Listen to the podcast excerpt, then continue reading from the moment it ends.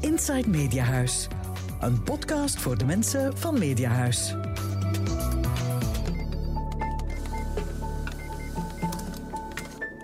Welkom bij Inside Mediahuis, de podcast voor alle Mediahuis-collega's. En het zijn er 4600 in vijf landen. 2036 in Nederland, 1178 in België, 226 in Luxemburg, 760 in Ierland en 400 in Duitsland. En al die collega's die zijn met z'n allen in staat om 1,7 miljoen abonnees aan ons te binden. Wie zijn wij? Wat bindt ons? CEO Gert IJzerbaard gaat in deze podcast op zoek naar inspirerende verhalen. En dat doet hij samen met mij, Monique Snoeien, adjunct hoofdredacteur van NRC. Dit is wel een hele bijzondere aflevering van Inside Media Huis, want vandaag zitten we allemaal op een andere plek. Ehm, Gert, om met jou even te beginnen, waar zit jij? Ja, ik zit gewoon op kantoor in, uh, in Antwerpen. Uh, normaal gezien doen we het hier uh, een beetje verder in de, in de radiostudio, maar nu zit ik gewoon op, op kantoor. En mooi nieuw experiment van het is op die manier te proberen. Ja, ik zit op de redactie in Amsterdam. Um, we hebben te gast Martijs van de Peppel en Lisbeth Nizet. En zij zitten ook weer op andere plekken. Martijs, waar zit jij? Ik zit in hetzelfde kantoor als jij, maar op een heel andere plek. Ik zit hier in een klein kantoortje. Matthijs is directeur Consumentenmarkt voor NRC en degene die voor Mediahuis, voor alle Nederlandse titels, de Consumentenmarkt coördineert. Daar gaan we straks uh, verder over praten. En we hebben ook te gast Lisbeth Nizet. En waar zit jij, Lisbeth? Ja, ik zit gezellig thuis, uh, samen met mijn hele gezin dat uh, COVID-positief getest heeft. Ah, af en toe horen we jou misschien een beetje hoesten? Ja, dat zou best wel eens kunnen. Op het kaartje van Lisbeth staat Change Director B2C. Ik zou daar zelf echt heel zenuwachtig van worden als je directeur veranderingen bent. Maar uh, er zit ook video bij deze opnames. U ziet het niet, maar wij wel. En ze maakt echt een uh, ontzettende stoïcijnse indruk. Straks praten we verder. Maar eerst even naar jou, Gert. jij neemt ons mee naar het koninkrijk van The Queen of Subscription. Waar ook een Big Harry uh, Hero rondloopt, heb ik mij laten vertellen. Ik heb hulp nodig. Vertel mij, wie is deze Queen of Subscription? De Queen of Subscription, dat is uh, de naam van een project waar we gestart zijn binnen Mediahuis om echt uh, uitmuntend te worden op het vlak van abonnementen. Vandaag zijn we misschien een prinsesje in, in de abonnement. We doen, het, we, doen het echt wel, we doen het echt wel goed, maar we hebben de ambitie om die, om die koningin te worden. Zeg maar koningin in Medialand. we willen, of we hebben de ambitie om als mediagroep, met Media's, we zijn intussen een stevige mediagroep, om echt leidend te zijn als het op aankomt van abonnementen te werven en te houden. En dat met name natuurlijk vandaag in de digitale wereld. En dat is uh, noodzakelijk en dat is ook een kans. Noodzakelijk omdat ja, onze uh, lezersmarkt, consumentenmarkt gaat in print, gaat hoe dan ook achteruit. En dat is iets wat we niet stimuleren. We doen dat op maat van de lezer, maar geleidelijk aan gaat die achteruit. En dat moeten we compenseren, meer dan compenseren door, uh, door digitale groei. Dat is noodzakelijk om ons bedrijf uh, stevig te houden. Maar er ligt ook een enorme kans. We zijn de afgelopen jaren sterk gegroeid in abonnementen, met name in digitale abonnementen. En uh, er liggen nog heel wat kansen en daar gaan we vandaag over praten. Ja, want wat is het doel wat je wil bereiken? Uiteindelijk is het doel, maar dat is het doel dat we het met alle merken voor ogen hebben om die digitale omslag uh, te maken. Voor onze merken op een succesvolle manier. En als dat ons goed lukt, en we zijn daar inderdaad uitmuntend in, dan kunnen wij ook stevig groeien. Want er liggen nog grote opportuniteiten. We hebben um, de afgelopen jaren, vooral in 2020, zijn we stevig gegroeid in abonnementen. Voor de meeste van onze merken, sommige meer dan andere. We waren er klaar voor om dat te doen en heel de uh, coronasituatie heeft ons daarbij geholpen. Mensen zaten thuis, er werd uh, veel meer digitaal gewerkt, er was echt een kans. Er was een golf, we zijn op die golf gaan, mee, gaan meesurfen. Dat hebben we succesvol gedaan. Dat is dan vorig jaar in de zomer is dat eigenlijk wat beginnen stilvallen. En nu zoeken we naar die, naar die tweede, tweede adem. En dat is echt een, een kans om dat te doen, omdat er kan nog zoveel verbeterd worden. En we zijn eigenlijk met onze redacties die digitale transformatie aan het maken. Dat doen we met tegelijkertijd nog een papieren krant te maken, maar tegelijkertijd uh, ontdekken we dat digitaal publiceren toch een heel, andere, uh, een heel andere tak van sport is dan het maken van een krant. En daar zijn al onze uh, redacties sterk mee bezig. Kunnen we ook nog veel vooruitgang in, in, in boeken. We kunnen vooruitgang boeken op het vlak hoe we dat dan vervolgens met uh, de mensen van de consumentenmarkt, de teams die echt ervoor zorgen dat we die abonnementen werven, dat we die aan boord houden, dat we die ook houden, dat we heel dat proces een stuk beter gaan inrichten. En ook op het vlak van technologie, zorgen dat we de juiste technologie hebben, kunnen ook nog grote stappen zetten. En als we dat in de komende periode succesvol uh, doen, ja, dan kunnen wij effectief uh, rekenen op nog een mooie groei. En bij hoeveel abonnees ben je tevreden?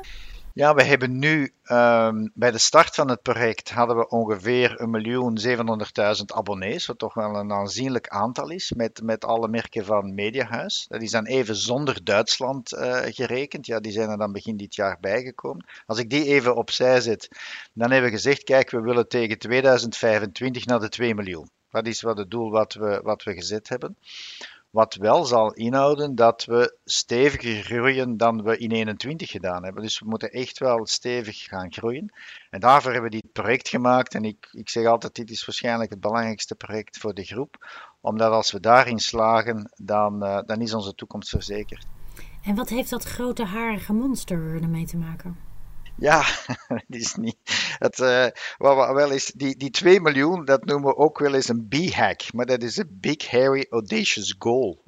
Dat is niet uh, uh, die reus die jij zag rondlopen, of dat je het noemde. Dat wil eigenlijk zeggen dat is een, een grote ambitie die je jezelf, die je jezelf stelt. Ja, een reusachtig doel. Um... Ja, je noemt het soms ook een North Star waar je, waar je, waar je, waar je heen wil. In the house. Ja, een reusachtig doel. Matthijs, 2 miljoen abonnees in 2025. Ik weet dat jij alleen over de Nederlandse titels, hè, dat je daar de kar moet trekken. Maar toch, uh, hoe gaat het met je? Ja, goed, dankjewel. Um, het, is een, uh, het is een ambitieus doel, inderdaad. Het is um, groot en harig. Um, maar ik zie ook wel, wat Gert ook zegt, dat er, dat er veel kansen liggen voor ons. En dat we nog uh, ja, heel veel te doen is en dat we nog kunnen, kunnen verbeteren.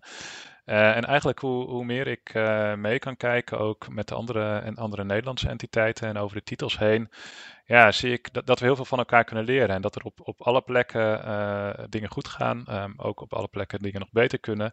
Um, maar dat zijn niet overal dezelfde dingen. En dat is, dat is heel interessant. En, en als we daarin slagen om goed en snel van elkaar te leren en dat door te voeren door de groep heen, dan, dan zie ik het wel gebeuren.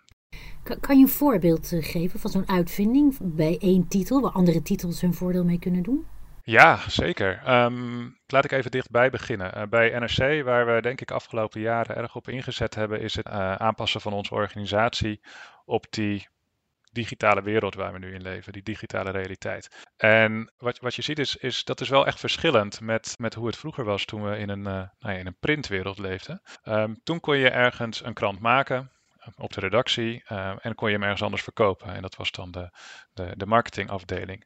Dat is over, dat is, dat is nu uh, niet meer zo. Um, we maken uh, journalistiek, maar die wordt op dezelfde plek geconsumeerd als dat we hem verkopen. En dat is namelijk op onze digitale platformen. Dus daar, daar uh, onze websites, onze apps zijn tegelijkertijd onze kiosk, zeg maar, onze hedendaagse kiosk. Maar daar moet je organisatie op aanpassen. En dat betekent dat je als redactie, als marketingafdeling en ook als uh, productontwikkelingsteam uh, heel dicht bij elkaar moet zitten. En uh, dat, dat hebben we bij NRC uh, stappen ingezet. Mm -hmm. En uh, als ik het even heel concreet maak en een voorbeeld daarbij geef. Um, op social media hebben we een, een, een gemixt team. Dus mensen van de redactie zitten daarin. Mensen van de marketingafdeling met hun expertise zitten daarin.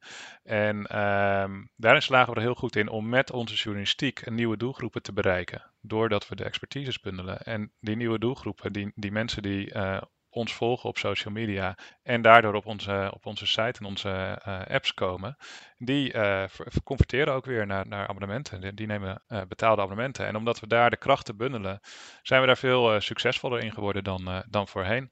Ja, die nieuwe doelgroep zit bijvoorbeeld op Instagram. Zeker, ja. Um, nou zeg je de samenwerking tussen redactie en marketing en het social media team sommige journalisten worden daar nog steeds een beetje zenuwachtig van. Hè? Dan, dan gaat marketing dus bepalen uh, wat wij aan de lezer voorschotelen. De redactionele onafhankelijkheid is uh, waar het begint en waar het eindigt, wat mij betreft. De redactie gaat absoluut over wat we maken. Um, maar uh, ik denk dat we wel met elkaar um, goed kunnen nadenken en elkaar kunnen versterken over hoe we dat naar buiten brengen en hoe we daarmee mensen naar ons, naar ons platform halen. Um, en hoe we daar uiteindelijk ook abonnementen mee, uh, mee verkopen. Een andere manier misschien om daarnaar te kijken is wat Matthijs ook zei. Is, uh, ja, vroeger werd de krant gemaakt en die werd dan afzonderlijk verkocht. Ik heb ooit nog de baan uh, gedaan, ongeveer van wat Matthijs uh, nu doet uh, voor, voor de standaard. En dan ging het heel sterk over hoe gaan we kranten, hoe gaan we abonnementen verkopen met dvd's. We gaan er een dvd bij geven en op die manier zullen wij dan kranten verkopen. Later hebben we dan heel succesvol ook dan abonnementen verkocht, gecombineerd met, met, met iPads bijvoorbeeld. Maar het feit dat we nu eigenlijk puur vertrekken vanuit onze journalistiek, dus mensen komen naar onze site en ontdekken die journalistiek en van daaruit verkoop je dat abonnement, is, vind ik eigenlijk fantastisch. Je kan eigenlijk niet dichter zitten op wat we vandaag uh, doen. En dat impliceert inderdaad dat ja, wat vroeger marketing en, en dat marketing en redactie gescheiden werelden uh, waren, ja, dat die nu samenwerken voor, dat, voor datzelfde doel. En is op zich eigenlijk een fantastische evolutie. Goed, even terug naar de Queen of Subscription. Rondom haar rijk staat een betaalmuur. En de sleutel van die betaalmuur, in de vorm van geavanceerde technologie, is in handen van Lisbeth. Ja, de sleutel is in jouw handen. Hoe makkelijk eh, kom je voorbij die betaalmuur? En is dat voor iedere lezer hetzelfde? En wie bepaalt dat? Ik zou eerst en vooral wel willen zeggen dat de sleutel in de handen van ons allemaal ligt. Ik denk niet dat uh, vanuit technologie kan bepaald worden uh, hoe we onze consumenten gaan, gaan bereiken en hoe we ze gaan kunnen laten betalen voor onze journalistiek. Dus dat, dat is wel één ding dat ik uit de wereld wil helpen. Um, nu, waar ligt de sleutel? De sleutel ligt uh, in, in krachten bundelen, in samenwerken. Net zoals dat Matthijs ook al, al eerder aanhaalde. Mijn rol bestaat erin om um, vooral te gaan kijken, die verbindingen te leggen tussen de verschillende entiteiten. De strategie die zij vandaag ontwikkeld hebben. Um, voor alles wat dat met toekomstige abonnees te maken heeft. Maar hoe, hoe werven we ze? Hoe zorgen we ze dat ze aan boord blijven? En ja, hoe kunnen we ze uh, helemaal op het einde uh, zorgen dat ze zeker uh, niet gaan opzeggen of terug, terug gaan winnen? Nu, dat vertaalt zich natuurlijk ook voor een stuk in, ja, in technologie. Um, de, de betaalmuur die je vandaag hebt, kan je afvragen als mediahuisgroep van ja, wil je die dat zeven keer gaan ontwikkelen en zeven keer gaan verder optimaliseren, of acht keer intussen.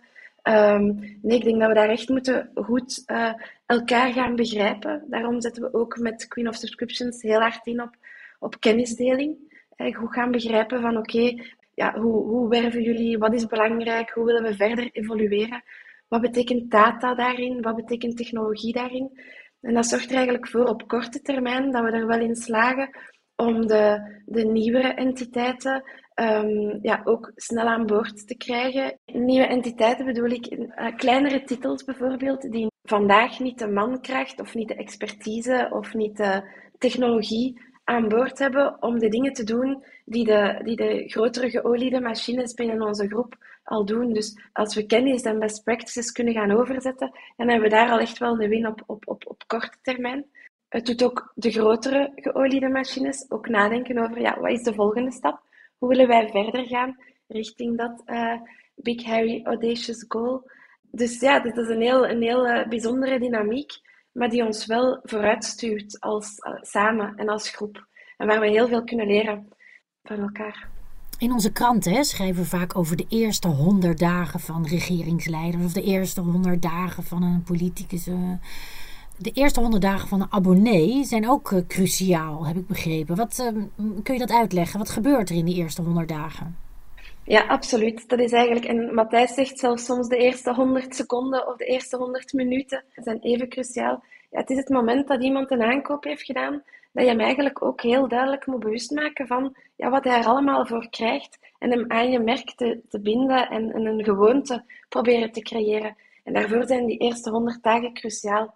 En we zagen, of we zien, dat verschillende titels dat op, op, op hun eigen manier invullen. Iedereen kwam eigenlijk wel op die 100 dagen, maar het is door de dingen bij elkaar te leggen dat we ook zien van, ah, het is misschien interessant als ik daar ook nog een, een mail rond, rondstuur. En dan ook voor entiteiten, bijvoorbeeld als Ierland, die nog niet zo lang bezig is met abonnementenverkoop, waar dat vooral een, een losse verkoophistoriek ehm, uh, heeft, dat die snel kunnen schakelen door wat de rest van de groep uh, hen leert en wat, hen, wat, wat dat zij al succesvol uh, meegemaakt hebben.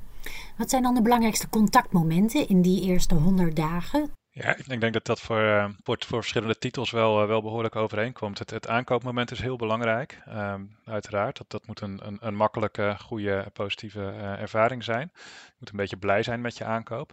Maar daarna komt heel snel het, het aanmaken van een, van een account bijvoorbeeld. Het installeren van de app. het inschrijven op een nieuwsbrief. misschien het, het beluisteren van een podcast bijvoorbeeld.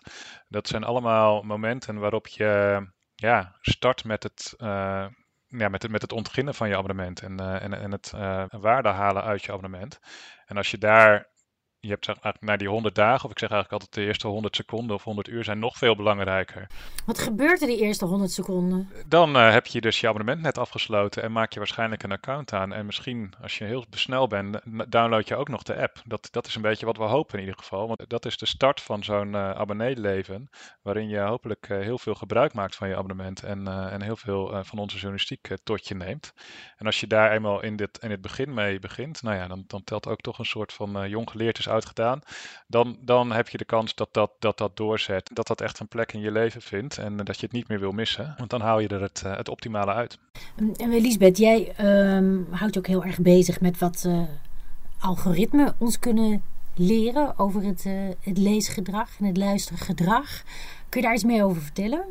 Ja, dat is vooral mijn collega Trui die, daar, uh, die daarmee bezig is. Ik denk dat ze ook al eens aan bod gekomen is in een van, van de eerste uh, podcasts.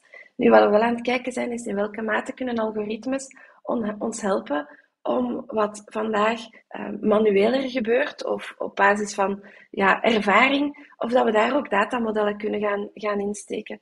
Dus bijvoorbeeld als we weten dat iemand misschien een abonnement uh, zou, zou gaan afsluiten, misschien dat we die betaalmuur, dat die er dan kan anders gaan uitzien bijvoorbeeld. Of dat we een ander abonnementsvoorstel kunnen gaan doen.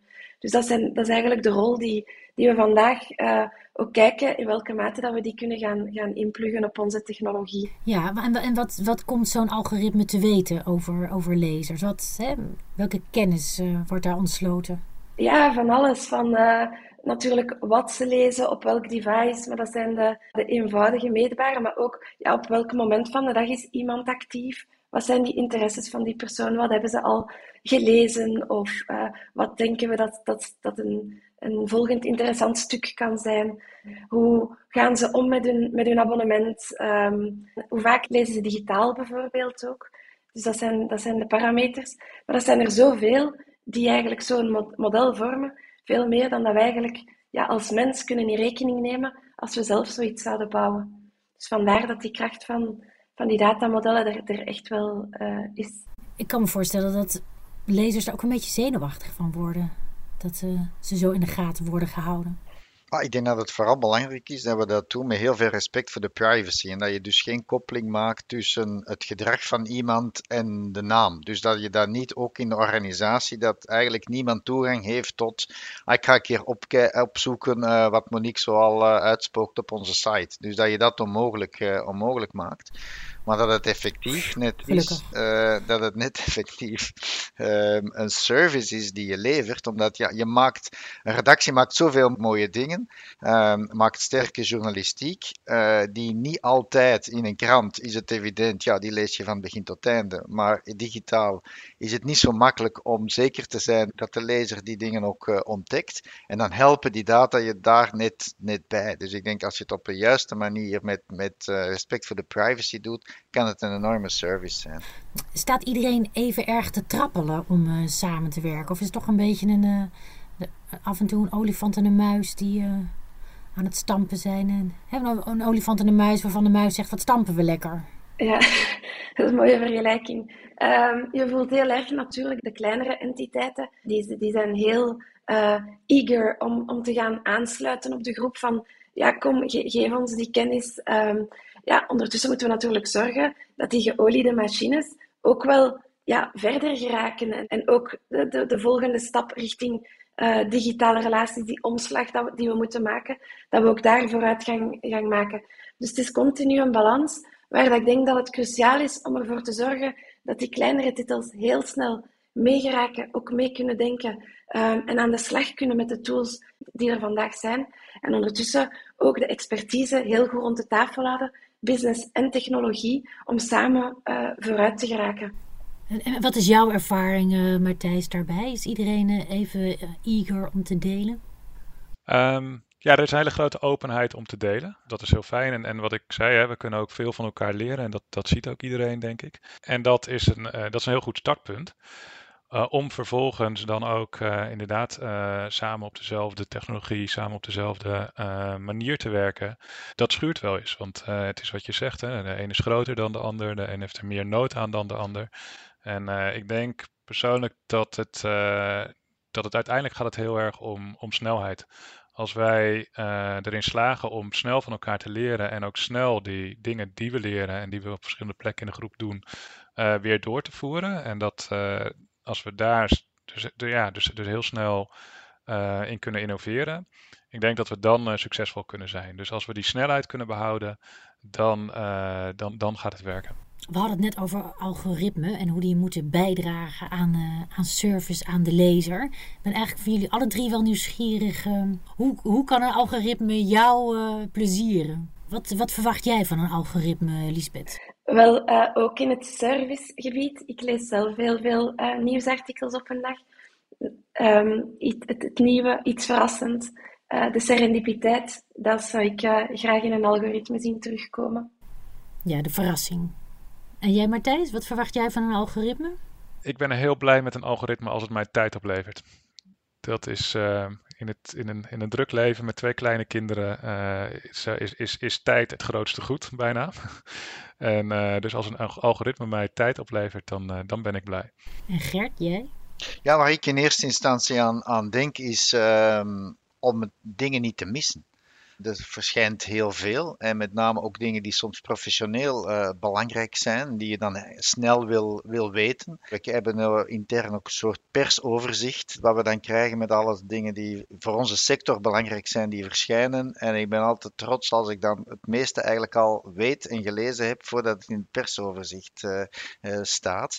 En als ehm, algoritme mij kan helpen om me dat sneller te vertellen, dan, dan ben ik helemaal gelukkig. En hoe is dat voor jou, Monique? Ja, ik zou wel een algoritme willen dat mij op tijd naar bed stuurt.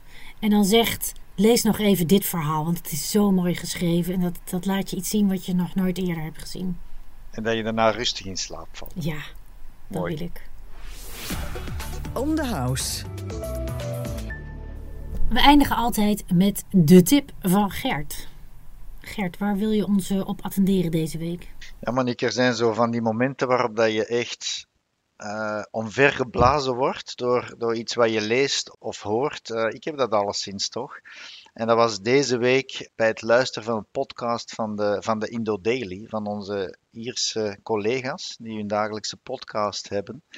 En het is van het strafste wat ik eigenlijk al uh, de laatste tijd gehoord heb. Maar misschien moeten we dus eerst naar luisteren. 50 years ago, on Sunday, the 30th of January 1972. British soldiers opened fire on civilians in Derry. 13 people died on the day, and one person died of heart failure four months later.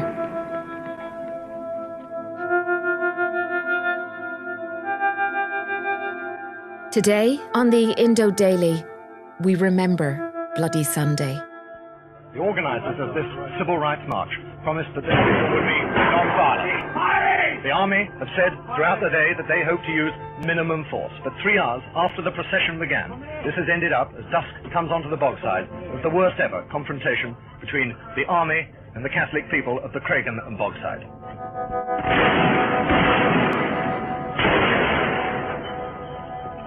Do not fire back for the moment! Father, how many dead have you seen in the Bogside? Appearing to be dead, there are the three in that Saracen car. There are two men lying at the end of this block of flats. There's another man at least very close to being dead. There's one, there are two others up there. I'm told that there, are some more in these flats here that I haven't seen yet.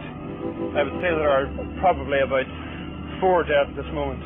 Uh, I don't know what those are doing, whether they're alive or dead, but they seem to be very dead, and they're thrown in as if they were dead meat. Ja, als ik deze podcast uh, luisterde en het is echt gewoon een dagelijkse aflevering van de, van de Indo Daily. En um, ik was aan het luisteren um, tijdens het hardlopen s ochtends. Ik dacht uh, af en toe uh, te, gaan, te gaan joggen s ochtends. En hoewel ik aan het lopen was, stond mijn hart stil als ik dit hoorde. Want het is een ongelooflijk beklijvend tijdsdocument. Het gaat over Bloody Sunday, 50 jaar geleden, 30 uh, januari 1972, openden de Britse soldaten het vuur op uh, katholieke uh, demonstranten in, in Derry. En ik denk dat iedereen Bloody Sunday ook wel kent, al is het maar van de hit van, van U2. Maar het is enorm belangrijk geweest voor de gebeurtenissen in Noord-Ierland achteraf en eigenlijk voor het hele Ierse eiland.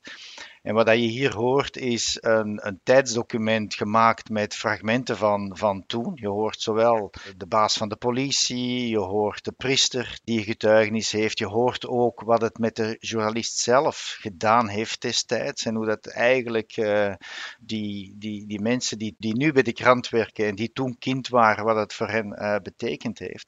Dus het bevat alles wat, dat een, uh, wat een, een goede podcast moet, moet hebben met uh, stevige geluidsfragmenten. En ja, je leert eigenlijk in een, half uurtje, want ik denk dat het ongeveer een half uur duurt, leer je wat, dat, wat die dag betekend heeft voor de Ierse gemeenschap. Echt heel, heel knap gedaan. Ik vind trouwens de Indo Daily echt een aanrader uh, om, uh, voor onze collega's om, om regelmatig te volgen. Inside Mediahuis. De luisteraar weet inmiddels wat wij nog niet weten, namelijk of het ook een beetje gelukt is dat we allemaal op afstand in één podcast zitten. Maar een leuk experiment was het zeker. Dankjewel Matthijs, dankjewel Liesbeth en uh, Gert. Nou, tot de volgende keer. Ja, tot de volgende. Oh ja, en natuurlijk uh, de tip van Gert is ook in de show notes te vinden. Inside Mediahuis. Wil je iets delen? Heb je een vraag? Laat van je horen via insidemediahuis.mediahuis.be Dus die micro werkt niet, hè? Uh, en hoe komt dat bij jullie wel allemaal goed werkt en bij mij niet? Ja, sorry hoor.